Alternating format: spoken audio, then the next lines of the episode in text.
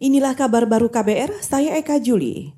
Organisasi Kesehatan Dunia atau WHO mengingatkan negara-negara yang mulai melonggarkan karantina wilayah untuk mewaspadai gelombang kedua COVID-19. Direktur Program Kedaruratan WHO, Dr. Michael Ryan mengatakan, negara-negara yang kasusnya menurun masih dapat menghadapi puncak gelombang kedua jika terlalu cepat melonggarkan.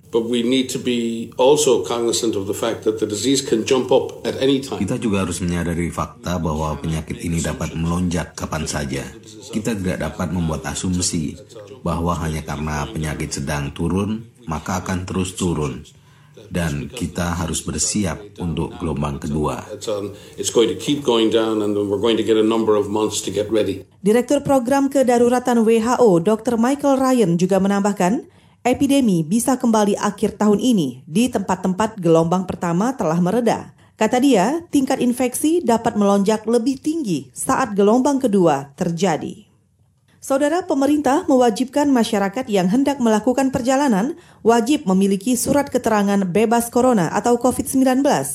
Ketua Gugus Tugas Percepatan Penanganan COVID-19, Doni Monardo mengatakan ada sanksi bagi mereka yang tidak membawa surat tersebut. Setiap orang yang bepergian wajib menunjukkan surat keterangan telah mengikuti rapid test untuk jangka waktu kedaluarsa tiga hari dan PCR test untuk jangka waktu kedaluarsa tujuh hari di setiap tempat pemeriksaan. Ketua Gugus Tugas Percepatan Penanganan COVID-19 Doni Monardo juga menambahkan, peraturan ini tertuang dalam surat edaran tentang kriteria pembatasan perjalanan orang dalam rangka percepatan penanganan COVID-19. Persyaratan itu dibuat demi memutus mata rantai pandemi.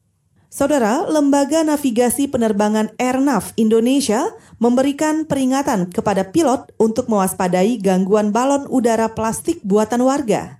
Direktur Utama Airnav Indonesia, Praminto Hadi Soekarno menambahkan, peringatan itu disampaikan bagi pilot yang melewati area Pekalongan, Wonosobo, Parakan, dan Kajen, Jawa Tengah.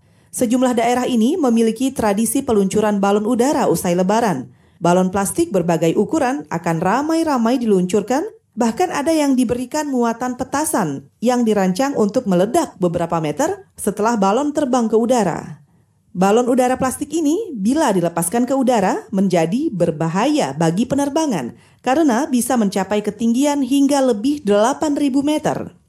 Airnav Indonesia mengatakan belum mendapatkan laporan pilot yang melihat balon udara di area ruang udara itu. Kata dia, penerbangan balon udara tersebut mengancam keselamatan penerbangan dengan sanksi tegas hingga dua tahun penjara. Saudara, demikian kabar baru. Saya Eka Juli.